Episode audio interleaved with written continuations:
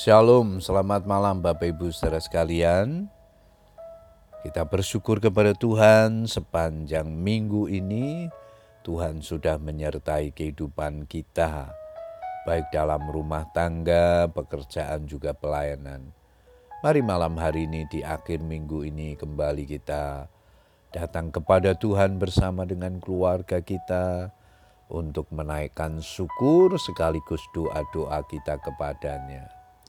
Namun sebelum berdoa saya akan membagikan firman Tuhan yang malam ini diberikan tema dampak memuji Tuhan. Ayat mas kita di dalam Mazmur 66 ayat yang pertama dan kedua. Bersorak-soraklah bagi Allah, hai seluruh bumi, masmurkanlah kemuliaan namanya, muliakanlah dia dengan puji-pujian. Bapak Ibu Saudara sekalian, iman kekristenan tidak dapat dipisahkan dari memuji Tuhan.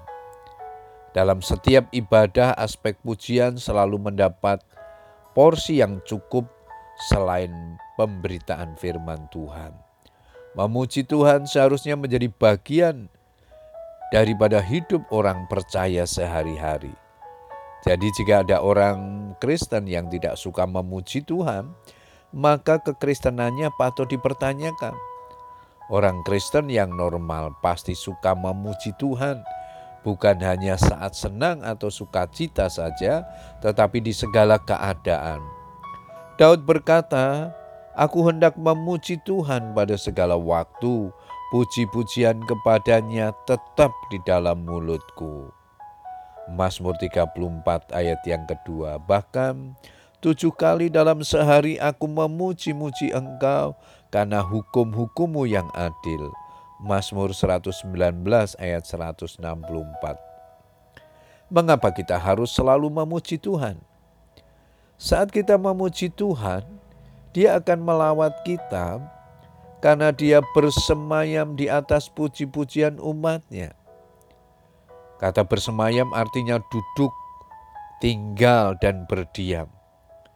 Puji-pujian kita merupakan singgasana, tempat Tuhan berdiam dan bertata. Saat kita memuji-muji Tuhan, ia melawat umatnya dan membawa kelepasan baginya. Lukas 1 ayat 68. Seberat apa pun pergumulan yang hari-hari ini kita hadapi, Jangan pernah berhenti memuji Tuhan. Jangan sampai kita dikalahkan oleh situasi-situasi yang ada. Karena itu katakan kepada diri kita, mengapa engkau tertekan he jiwaku dan gelisah di dalam diriku? Berharaplah kepada Allah, sebab aku akan bersyukur lagi kepadanya, penolongku dan Allahku. Mazmur 42 ayat yang ke-6.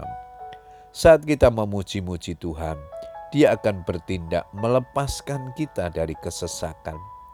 Sebab ia melepaskan aku dari kesesakan dan mataku memandang musuhku.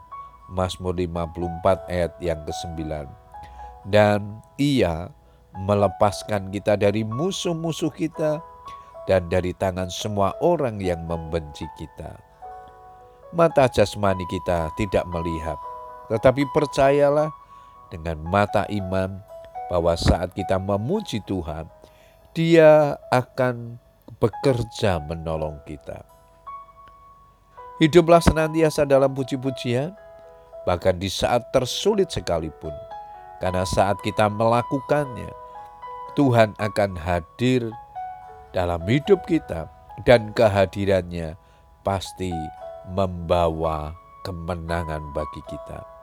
Memuji Tuhan adalah perintah Tuhan yang harus dilakukan oleh semua orang percaya, sebab kita diciptakan untuk kemuliaan namanya. Puji Tuhan Bapak Ibu Saudara sekalian, biarlah kebenaran firman Tuhan ini menjadi berkat bagi kita. Selamat berdoa dengan keluarga kita, tetap semangat berdoa. Tuhan Yesus memberkati. Amin.